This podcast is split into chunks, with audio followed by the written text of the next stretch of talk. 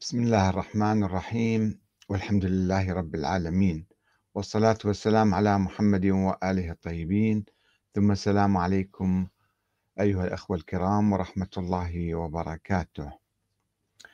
المراجع المراجع الدينيين هم أعلى سلطة في العراق أعلى من رئيس الجمهورية وأعلى من رئيس الوزراء وأعلى من مجلس النواب حتى. لديهم سلطة سياسية ودينية في نفس الوقت ويتبعهم الناس ويقلدوهم ويستمعوا إلى كلامهم أكثر مما يستمعوا إلى رئيس الوزراء أو القائد العام للقوات المسلحة أو رئيس الجمهورية. ولكن الانتخابات في العراق تجري على مجلس النواب الذي ينتخب رئيس الوزراء ورئيس الجمهورية. ولكن لا تجرى أي انتخابات آه، لانتخاب المراجع. ولا يوجد مجلس مجلس شورى لانتخابهم. آه، في إيران هناك نظام آه، شبه ولاية الفقيه وليس نظام ولاية الفقيه بالضبط بالحقيقة. هناك نظام مزدوج في إيران بين النظام الديمقراطي الجمهوري آه، الدستوري وبين ولاية الفقيه. يعني آه، حتى القائد أو الولي الفقيه يتم انتخابه من الشعب من الشعب الإيراني. الولي الفقيه أو المراجع سابقا ولاة الفقيه المراجع في إيران وفي العراق أيضا كانوا ولا يزالون يدعون بأنهم هم نواب الإمام المهدي. يعني لديهم سلطة إلهية عليا. لا تنبع سلطتهم من الشعب. ويعتقدون أنهم ولاة أمر المسلمين كما يعتقد السيد السيستاني حفظه الله. أنه هو ولي أمر المسلمين في كل العالم وليس في العراق فقط. وأيضا هو الحاكم الشرعي وكل المراجع وكل واحد يقول أنا فقيه يقول أيضا أنا حاكم شرعي. ويمارس كثيرا من الأمور التي تتعلق بالأمور الشرعية يعني والسياسية أيضا. ولكن في إيران تم آه، دمج هذه النظرية أو تجاوزها أو تطويرها في الحقيقة آه، بحيث آه، تكون منتخبة. يعني المرجع ينتخب أو القائد يسمى في الدستور الإيراني القائد آه، ينتخب من مجلس آه، الخبراء اللي هو ينتخب أيضا من الشعب 88 واحد. وأيضا في يوجد في الدستور وفي الدستور الأول الذي أقر عام 79 بأن المرجع إذا الناس انتخبوه مباشرة وحاز على أكثرية الشعب فله الحق أن أن يكون يعني هو قائد البلاد يعني بالتالي المرجع إما أن ينتخب من الشعب مباشرة أو عبر واسطة عبر آه، مجلس شورى ينتخب من الشعب. وهذا المجلس يراقب القائد ويقيمه يقيمه عقلا يقيمه من ناحية الورع والالتزام بالدين. كل ست أشهر يجتمع لكي يقيم القائد يقيم شخصية القائد. هذا في الدستور الإيراني. أما آه، في العراق فإحنا عندنا تجربة ديمقراطية حديثة بموافقة المراجع. ولكن في نفس الوقت آه، هناك فكر ديني سياسي أعلى من الديمقراطية. يعني بالتالي المرجع صحيح ما يتدخل بالأمور اليومية ولكنه قد يتدخل كما تدخل سابقا. في الدعوة للدستور في الدعوة للانتخابات في آه، آه، دعم قائمة معينة آه، أو دعم رئيس وزراء معين وإقالة رئيس وزراء معين. فهو إذا أقوى من مجلس البرلمان.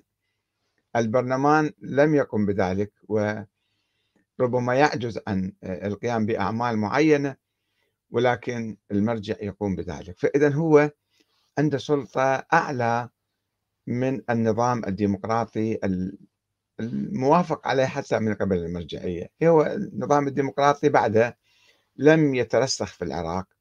الثقافة الديمقراطية لم تترسخ وبالتالي الناس يمكن يشاركون يمكن الناس يعني يفضلون المقاطعة مقاطعة الانتخابات ولكن المرجع يقول لهم لا اذهبوا وشاركوا وانتخبوا ولا تقاطعوا فيستمعون لكلامه يعني الثقافة الديمقراطية بعدها ما مترسخة في أذهان الشعب العراقي بقدر ما مترسخة المرجعية أو شرعية المرجعية الممزوجة بالدين. يعني هي سلطة عندهم الآن المراجع سلطة سياسية مغلفة بالدين. ما عندنا في الإسلام واحد عنده سلطة آه، سياسية دينية من الله تعالى. بعد النبي محمد لا يوجد أحد حتى الإمام علي والأئمة الآخرون لم يكونوا يدعون أنهم هم معينين من قبل الله وأنهم مثلا معصومون وأنهم لهم شرعية من السماء. كانوا يقولون نحن رواة أحاديث النبي ونحن نطبق الدين. أما المراجع الآن هذه فكرة حادثة بالحقيقة مبتدعة. أن يعتقدون بناء على عدة فرضيات على فرضية الإمامة الإلهية وفرضية وجود الإمام الثاني عشر ونيابة الفقهاء العامة عن الإمام المهدي المفترض. كلها فرضيات في فرضيات. وأيضا هناك فرضية رابعة أن كل واحد يدعي هو أعلم العلماء. كثير من المدعين مدعي المرجعية يدعون كل واحد يدعي نفسه أنه أعلم العلماء ولا ما يجوز تقليده. فيقول لك أنا أعلم العلماء. على أي حال لا نريد أن نناقش في هذه النقطة. نريد أن نركز الكلام على عملية انتخاب المرجع. كيف ينتخب المرجع؟ مرة واحدة إحنا نفيق في الصباح فنرى مرجعا معينا قد انتخب بين قوسين. من انتخبه؟ لا نعرف. يقولون في الحوزة هناك مجموعات هي التي تنتخب. ولكن هذه المجموعات أو اللوبيات والبعض يسميها مافيات تأتمر بأمر من؟ وعلى أي أساس تنتخب هذا المرجع؟ ما هو علمه؟ ما هي أعلميته إذا كان أعلم مثلا؟ كيف نعرف أنه هذا أعلم؟ وحتى لو كان أعلم العلماء من الأولين والآخرين. نفترض هناك عالم معين وأتقى الأتقياء وأوراق. عنده شبه أسمى الأسمى الصورة كما يقولون. طيب هل يحق له أن يفرض سلطته على الناس أم يجب أن ينتخب من الناس؟ وهل يمكن انتخاب المرجع؟ كيف يمكن انتخاب المرجع؟ هل يمكن انتخابه مباشرة؟ مثلا تصويت يسوون مثل ما انتخبوا رئيس الجمهورية في بعض البلاد. ينتخبون أنه عدة عدة مراجع موجودين وإحنا ننتخب هذا المرجع مثلا. هل يمكن هكذا نطبق الديمقراطية على المرجعية؟ أو ننتخب مثلا آه، برلمان موازي مثل برلمان البرلمان الموجود هو الذي ينتخب المرجعية أو ينتخب المرجع الأعلى. كيف؟ يعني العملية تتم بإرادة الشعب أو بإرادة الشيعة عموما في العالم لأنه هو يقول أنا مرجع الشيعة مو فقط مرجع العراقيين. سواء في إيران أو في العراق أي واحد يقول هالكلام. هذا الكلام بحاجة إلى تدقيق أنه لا يكون يفرض علينا واحد إحنا ما نعرفه وما نعرف برنامجه وما نعرف علمه وما نعرف سياسته ما نعرف عقيدته حتى. حتى عقيدته هناك بعض المراجع الآن موجودون في الحقيقة. أنا أعرفهم شخصيا. وهناك مراجع سابقون. بعدين اكتشفنا أنهم دولة من فرقة مغالية منحرفة أصلا ما لها علاقة بالتشيع. والأئمة يلعنوهم ويتبرؤون من عندهم فرقة المفوضة مثلا اللي موجودة الآن في قم وفي النجف وفي هنا وهناك أيضا. هناك من يدعي ذلك. فإذا حتى عقيدة المرجع لا نعرفها ما هي. لم نحقق فيه وإنما بالدعاية والإعلام والمال الذي يلعب دورا كبيرا في شراء المعممين هنا وهناك. الوكلاء أي نعم نعم فلان صار هو المرجع الأعلى. صار يوزع رواتب. ولو رواتب بسيطة بس وبالتالي هذا تبين أنه هو فعلا مرجع أعلى. ففي عملية المال توزيع المال ملايين تصرف في المجال ملايين حق تصدقوني صرفت وتصرف. في الدعاية لفلان أو فلان ومرة واحدة يطلع شوفوا الناس كلهم هو هذا صار المرجع الأعلى. ما هي علاقتنا به؟ هل ياخذ ويعطي ويانا؟ هل عنده مجلس شورى مثلا؟ كيف يقرر؟ إذا أراد يقرر قرار سياسي مثلا المشاركة في الانتخابات نفترض. هذا قرار جيد ولكن إذا في يوم قال لا لا تشاركون بالانتخابات. ماذا نقول نحن؟ نقاطع الانتخابات؟ والانتخابات حقنا الطبيعي. هناك بعض المشايخ الذين يدعون المرجعية أيضا في العراق. قالوا لا تنتخبوا انتخابات حرام ما يجوز كذا. قاطعوا الانتخابات.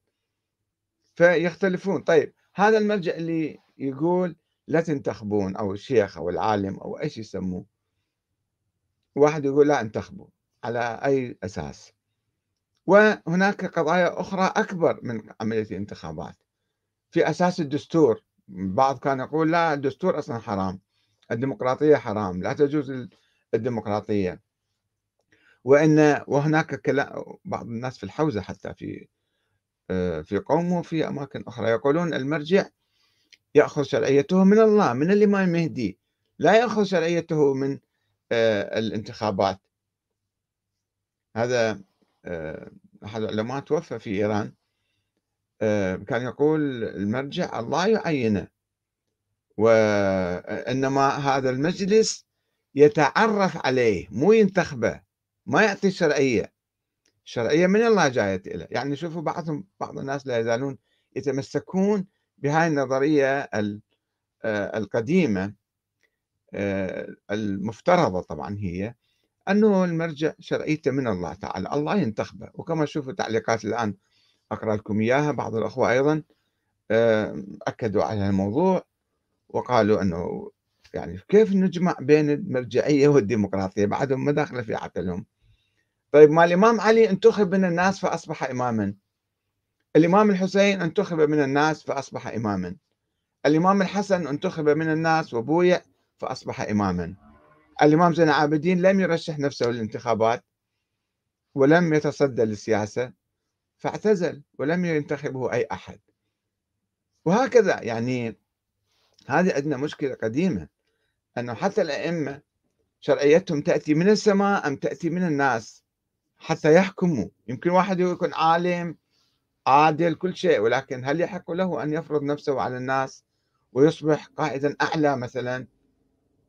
فهي المشكلة في إيران هناك تطور ديمقراطي في هذا الموضوع ولكن البعض يحاول أن يجر النظام يجر الدستور وكل ما يجري في إيران إلى الفكر القديم ويحاول أن يلغي حتى الديمقراطية يلغي رئاسة الجمهورية يلغي البرلمان وبالتالي هو المرجع لأنه معين من السماء يحق له أن يفعل كل شيء.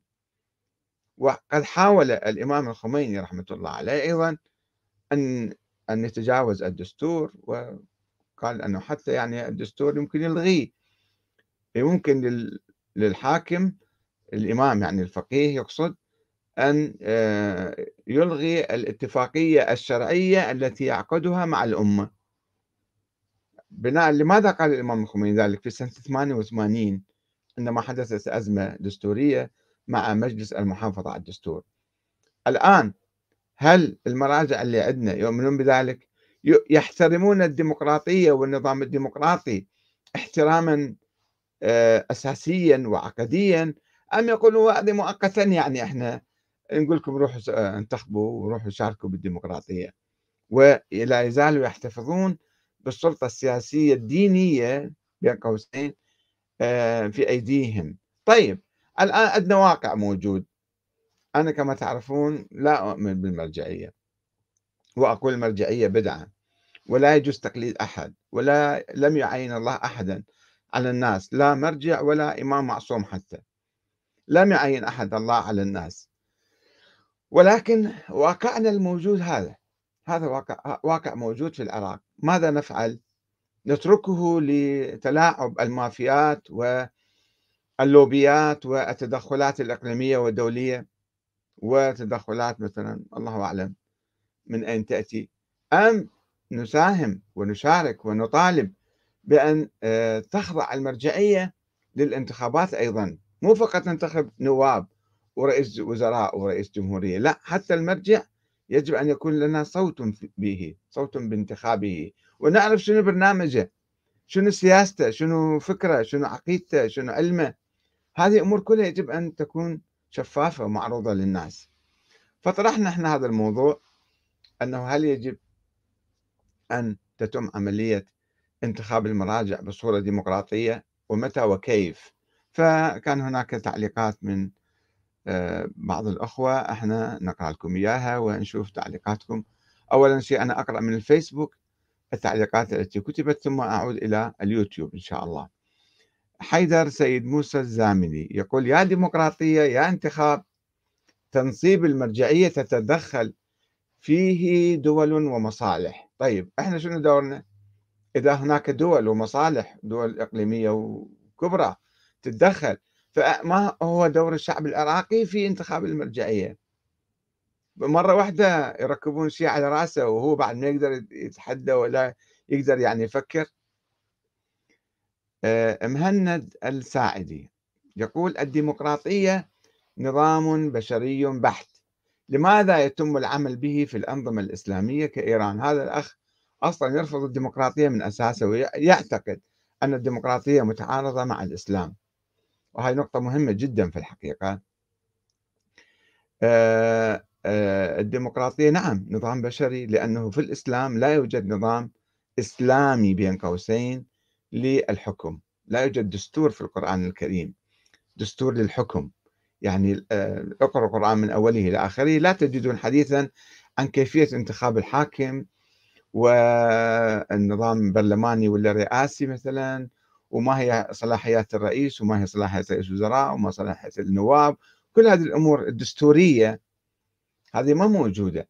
إنما مبدأ الشورى موجود في القرآن الكريم وأمرهم شورى بينهم. إحنا ناخذ هالمبدأ ونعمل عقلنا ونطور هذا النظام.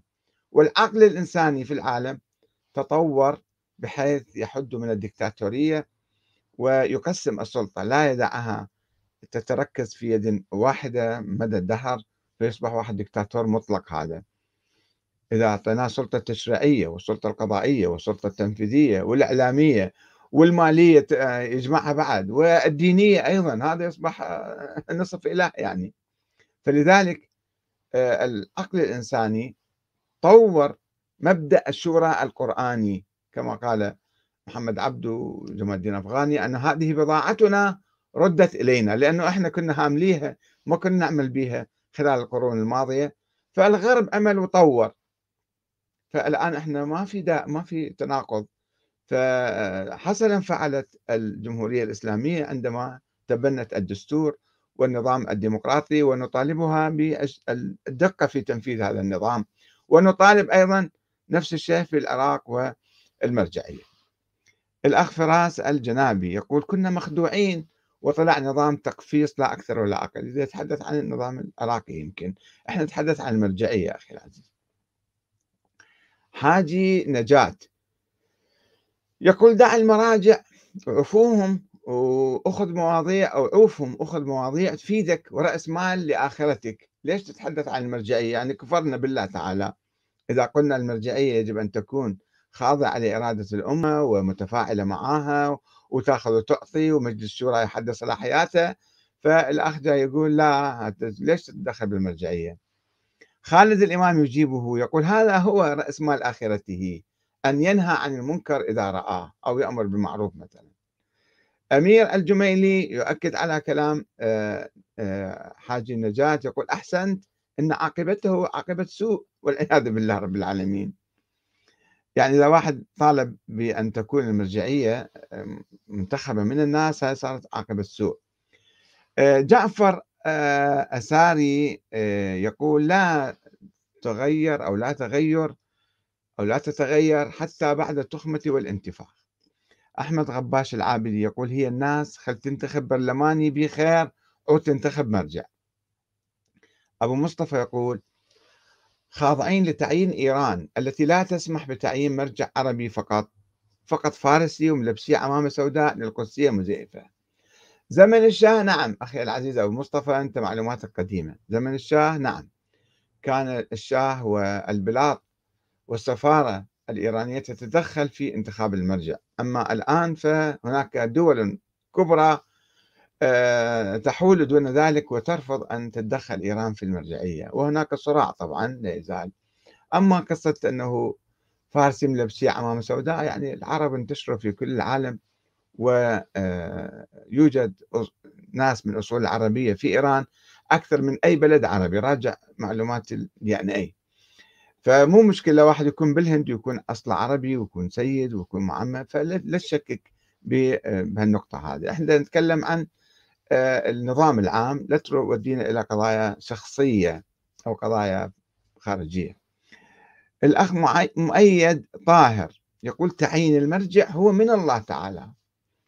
هسه افتهمنا نظرية الإمامة كانت تقول بأن تعيين الأئمة من الله عبر النصوص أو الوصية أو المعاجز أو ما شابه. طيب المرجع لا عليه نص لا عليه وصية من الله ولا عليه ولا عنده معاجز. فكيف صار هذا من الله؟ واحد معمم أو دارس لك كم كتاب وقال لك أنا صرت مجتهد والله يعلم باجتهاده. كيف أنه هذا مرجع معين من الله؟ شوف هاي المشكلة. مشكلة أنه الآن مثلا رئيس الوزراء أو الحاكم أو رئيس الجمهورية إحنا ننتخبه ونعرفه وإذا فشل أو عجز أو أخطأ أو كذا نغيره كل أربع سنوات. أما المرجع لا يبقى علينا خمسين ستين سنة. ما حد ما يقدر يناقشه أو يبحث وياه أو يتحاور وياه أو يقترح عليه حتى اقتراح. أو يسأله سؤال هذا الحكم اللي أنت قاعد تقوله أو الموقف ما هو دليلك؟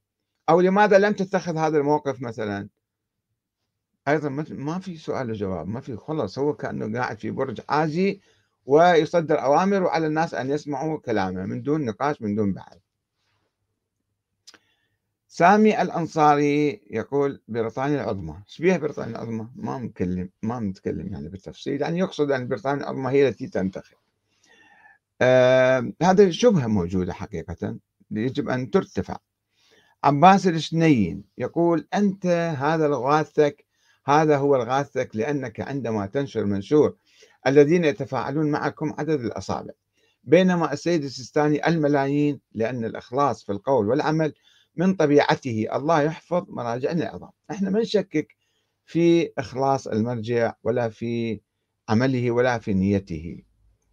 هذا ما يجوز لنا أن نشكك بأي واحد.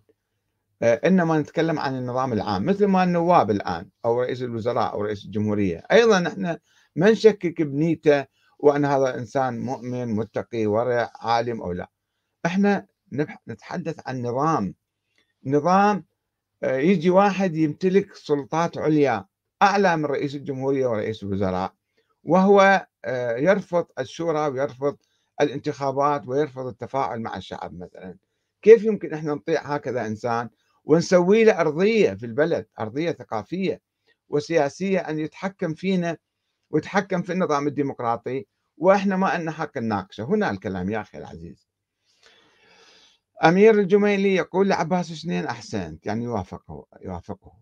آه، محمد البوش يقول يا رجل اتق الله مرجع ومرجعية وديمقراطية ونظام ديمقراطي سائل يقول شلون يعني عجيب؟ ما يمكن نجمع بيناتهم بين المرجعيه والديمقراطيه آه، أحد الأخوة ما أدري كاتب لغة ما أعرف من وين.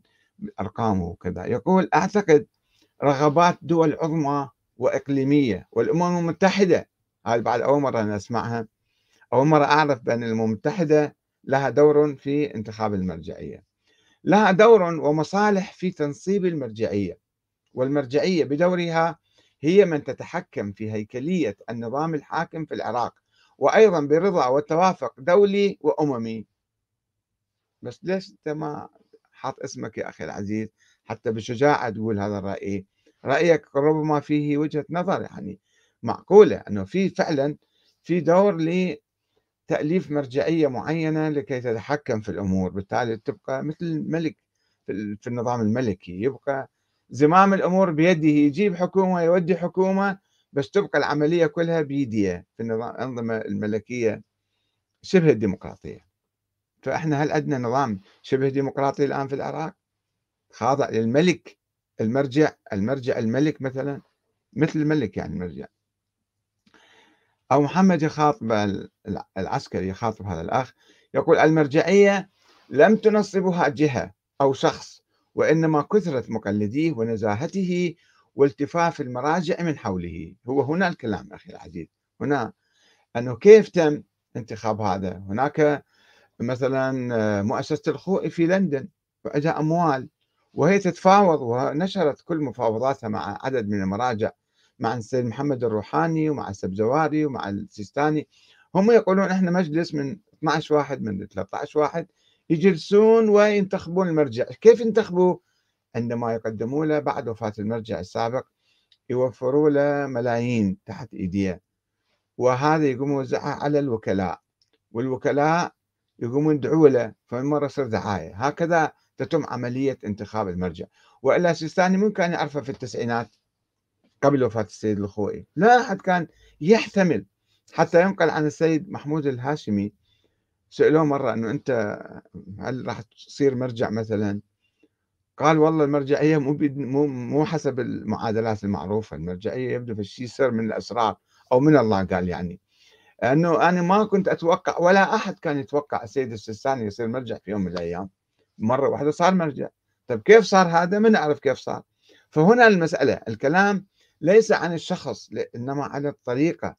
وما بعد انتخاب المرجع كيف يمكن يمكن التفاعل معه والحوار معه ويعني يتبوأ منصب عالي جدا.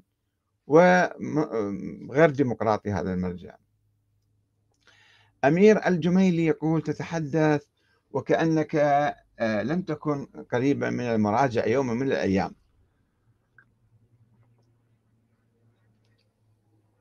وهذا إن دل على شيء فإنه يدل على خبث السؤال والقصد الخبيث من ورائه. شكرا يا أخ أمير.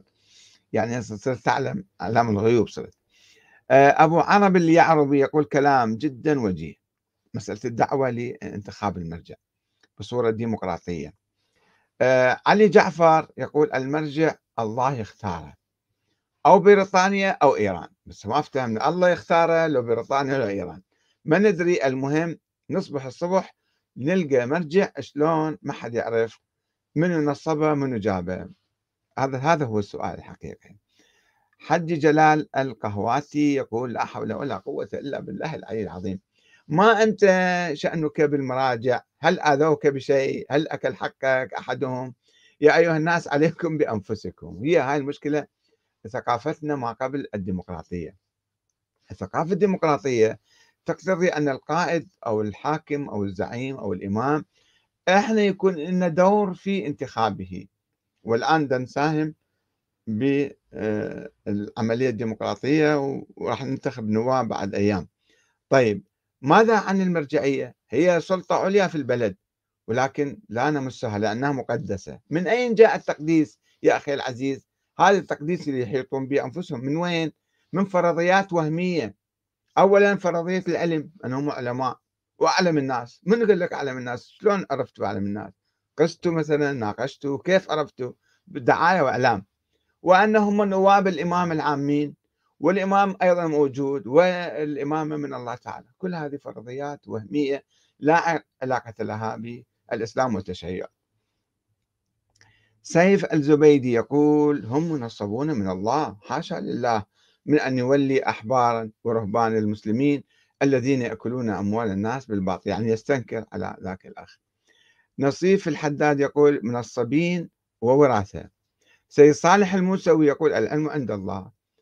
آه، إبراهيم أحمد يقول هذا شبيك يا ولد ناظم أبو فارس يقول حتى انتخاب المرجع ستكون في تدخلات إقليمية ودولية. ليش الآن يعني ما موجودة؟ التدخلات تدخلات إقليمية ودولية موجودة.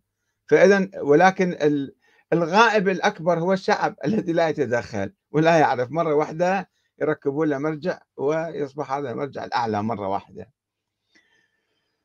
الآن نعود إلى بعض الأسئلة على اليوتيوب اللي أخوة المشاركين أيضا مشاركات كثيرة عندهم. حبيب الكل يقول المرجعية دهاليز. يعني شنو دهاليز؟ يعني غامضة يعني فيها أشياء أسرار. آه آه هذا أبو علي يسأل سؤال بعيد عن الموضوع. أنا ما رأيك بحديث الثقلين؟ عندي محاضرات حول الموضوع يمكن تراجعها في اليوتيوب. اكتب أحمد الكاتب حديث الثقلين تعرف. الأخ قاسم محمد يقول آه، ما هو رأيكم في المرجعية الشيرازية؟ وهل تنصحون الناس بتقليدها يا أخي العزيز؟ أنا لا أنصح بتقليد أي أحد. أنا في نظري التقليد حرام وقبيح ومذموم وتخلف وانحطاط التقليد الأعمى احترام العلماء نعم نحترم العلماء نسألهم نناقشهم نشوف أدلتهم يعني ونقتنع ونتفاعل معهم أما هذا التقليد الموجود هذا نوع من البدعة ونوع من الانحطاط والتخلف. وبعدين ما عندنا إحنا في شيء اسمه قائد ديني وقائد سياسي.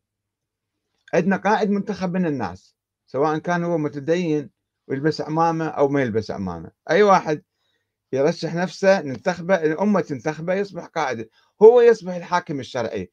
ماكو واحد آخر يدعي إنه هو حاكم شرعي. هنا المشكلة إنه كل واحد يقول لك أنا الحاكم الشرعي. هذا ما يجوز ومو صحيح. فمو الشيرازي بالعكس أنا أعتقد يعني السيد محمد الشيرازي رحمة الله عليه أنا عملت دراسة حوله قبل 20 سنة تقريبا واكتشفت أنه لم يكن مجتهدا. هو يقول أنا مو مجتهد. يقول لا أستطيع أن أجتهد في كل شيء فقط في الفقه في السطح يعني بالروايات يأخذ روايات ونفس المنهج كل أتباعه وكل تلاميذه وأخوانه سائرين مع الأسف في هذا المنهج الأخباري. مو بس هو مو بس الشيرازي إنما حتى سيد الخوئي لم يكن مجتهدا مطلقا. لأنه لم يجتهد في عقيدته وأساس الدين كل العقيدة. العقيدة عقيدة الإمامة وحجية أقوال الأئمة اللي يأخذها حجية الأقوال المنسوبة للإمام المهدي الغائب كلها يأخذها من مفاتيح الجنان. السيد الخوئي ما محقق فيها ولا مدقق ولا دارس ولا باحث. باحث في الأصول نعم. في الأصول الآن حتى وحيد الخراساني في قوم من أشهر علماء اللي يبحثون في الأصول. ولكن في العقيدة مقلد تقليد أعمى. والتقليد عندنا من الشيخ المفيد. الشيخ المفيد هو قلد السابقين تقليدا أعمى وكتب وكون المذهب الاثني عشري البويهي. ومن ذاك اليوم من ألف سنة إلى اليوم إحنا كلنا سائرين على خط التقليد للشيخ المفيد. فما عندنا مراجع حقيقة مجتهدين بصورة شاملة أو بصورة مطلقة. يقولون هذا مرجع مطلق مجتهد مطلق لكن هذا مو صحيح. ابحثوا اسألوا شوفوا. شوفوا الآن نظريات عجيبة غريبة عند بعض الأدعياء المرجعية. اللي يدعي مثلا الأئمة عندهم علم الغيب أو الأئمة مثلا آه، يديرون الكون. هذا خارج عن خط التشيع. ويقول لك أنا مرجع للشيعة. كيف تكون مرجع للشيعة وأنت بعيد عن مذهب أهل البيت وخط أهل البيت.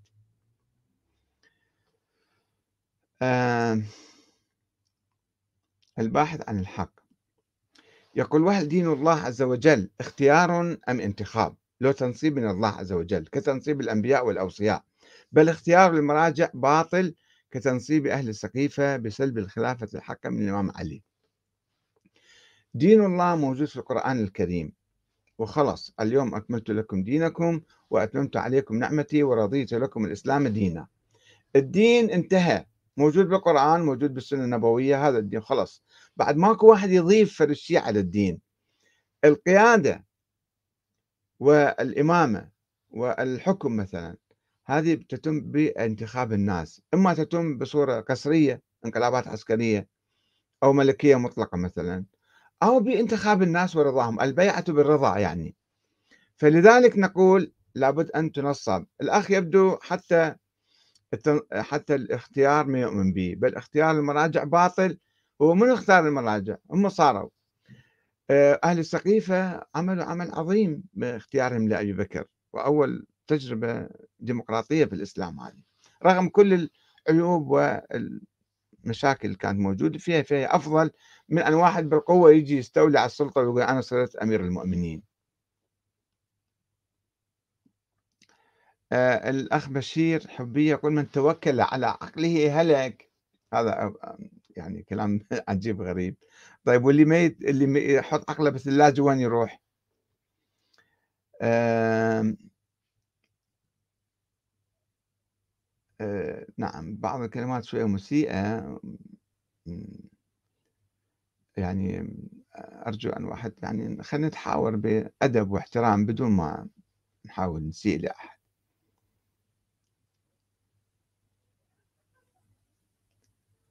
نعم.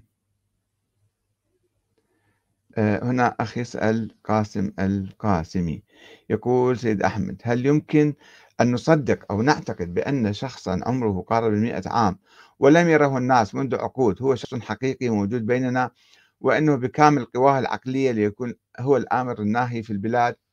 بالحقيقة الدستور الإيراني بهذا مجلس الشورى اللي عندهم مجلس الخبراء من 88 شيخ منتخب من الناس هذا المجلس دائما هو حاطيه حتى يقيم القوة العقلية للقائد.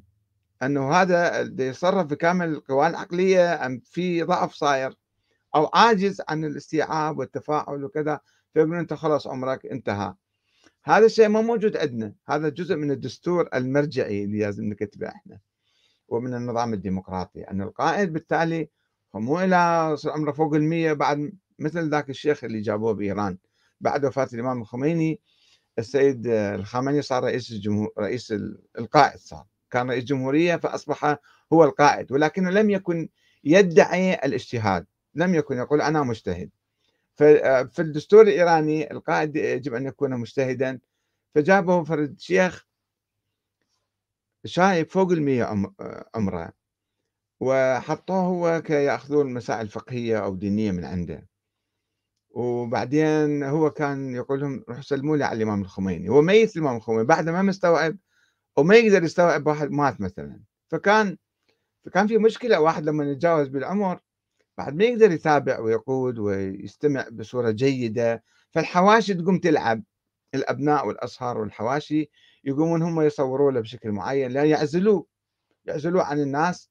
ما يلتقي بالناس ما يشوفهم إلا من قنوات ضيقة. وهاي القنوات هي تأثر عليه وتأثر على قراره. هذه مشكلة حقيقة. ما هو عبد الله كاظم؟ يقول ما هو دور صهر السيد السيستاني جواد الشهرستاني آه، في العراق؟ آه، وهل يتبع ولاية الفقيه في إيران؟ بالحقيقة هو في إيران عايش في قوم أعتقد ويوفق بين الاثنين ما دام هو بإيران طبعا يخضع لولاية الفقيه في إيران. أما بالنسبة للسيستاني هو له دور يعني ربما في صناعة بعض المواقف الله أعلم. لا أعرف تفاصيل المسألة. الأخ قاسم أيضا مرة أخرى يقول طيب أستاذ أحمد من أين جاءت هذه الملايين؟ ولماذا لا تقوم السلطة بمحاسبة المالكين لهذه الملايين تحت طائلة قوانين الضرائب وغسل الأموال؟ لأنها مقدسة صارت مقدسة ما يصير واحد يمسها. وطبعا تجمع الأموال في بنوك أوروبية أيضا وحتى الدول الأوروبية لا تمس هذه الأموال لأنها مقدسة ومحترمة. فهناك في تفاعل يعني. وبعض الأموال بعض الملايين كانت في السعودية أيام زمان قبل الحرب 91 وحاول وكيل السيد الخوئي أن يسحبها فوضعت يدها الحكومة السعودية عليها وقالت له ما هذه الأموال من أين جئت بها؟ فقال هذه أموال للفقراء والمساكين. قال طيب إحنا ناخذ نعطيها للفقراء والمساكين. فصادروا ملايين. وملايين من الدنانير سقطت قيمتها في سراديب النجف. كانت ملايين دنانير كانت موجودة في النجف فالدينار العراقي سقط راحت كل الفلوس. لأنه ما في حساب وكتاب ومعرفة ودقة وفهم لما يجري من أمور. سلامات كثيرة الأخوة يسلمون.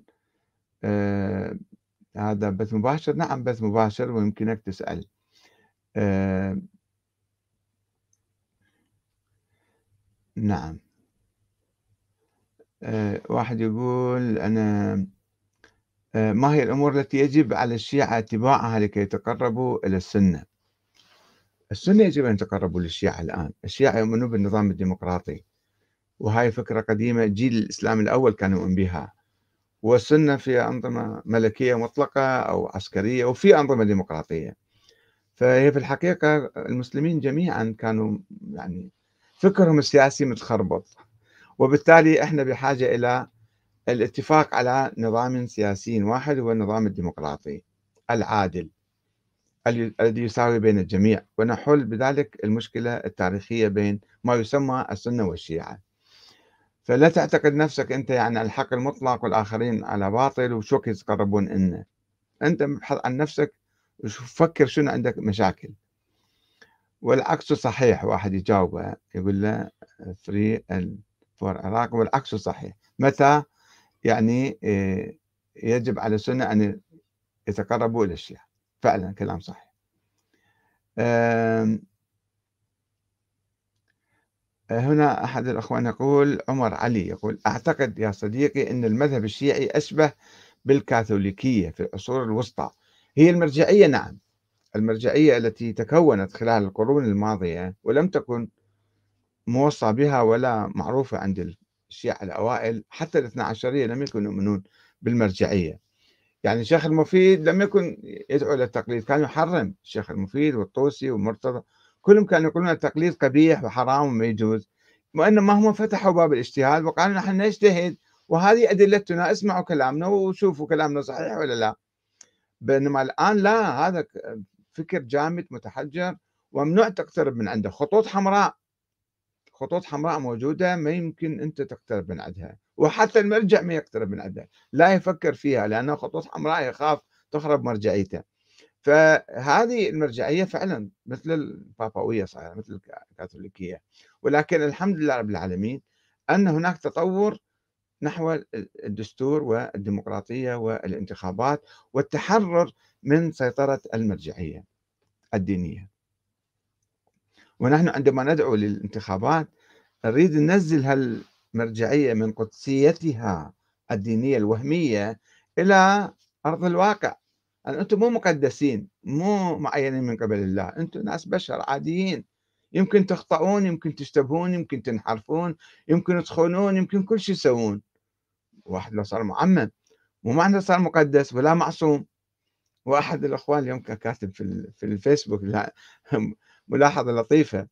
قال الدين مو بالعمامة واللحية والنسب. الدين بالعلم والتقوى. وإلا أبو أبو لهب كان هم لابس عمامه هم سيد هم عنده لحية. فشنو فرقه عن هذا عن ذاك؟ ففعلا إحنا لا نغار باللحى والعمائم والنسب هذا ابن فلان إحنا نشوف العمل عمل الإنسان والفكر آه، الحقيقي وعلم الحقيقي. فان شاء الله نخلص من هالكاثوليكية ومن هالبابوية.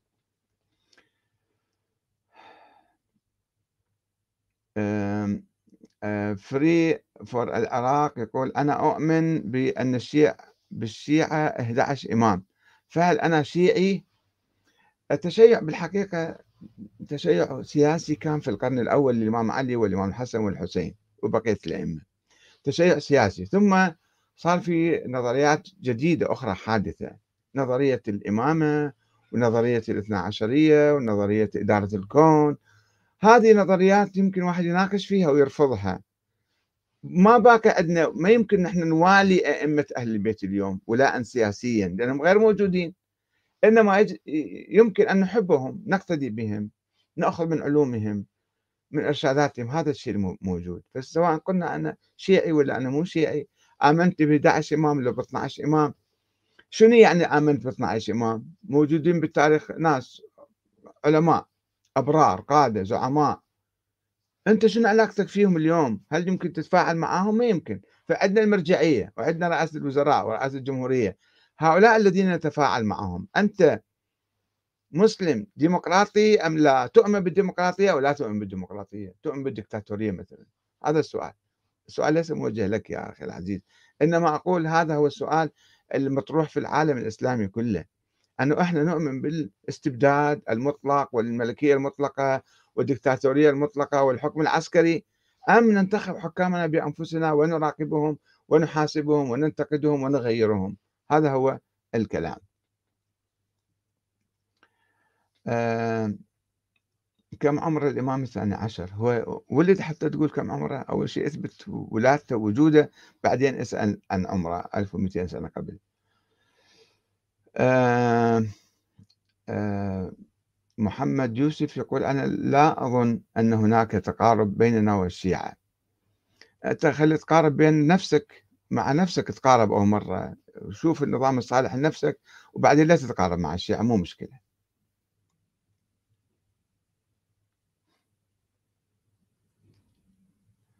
أي علوم؟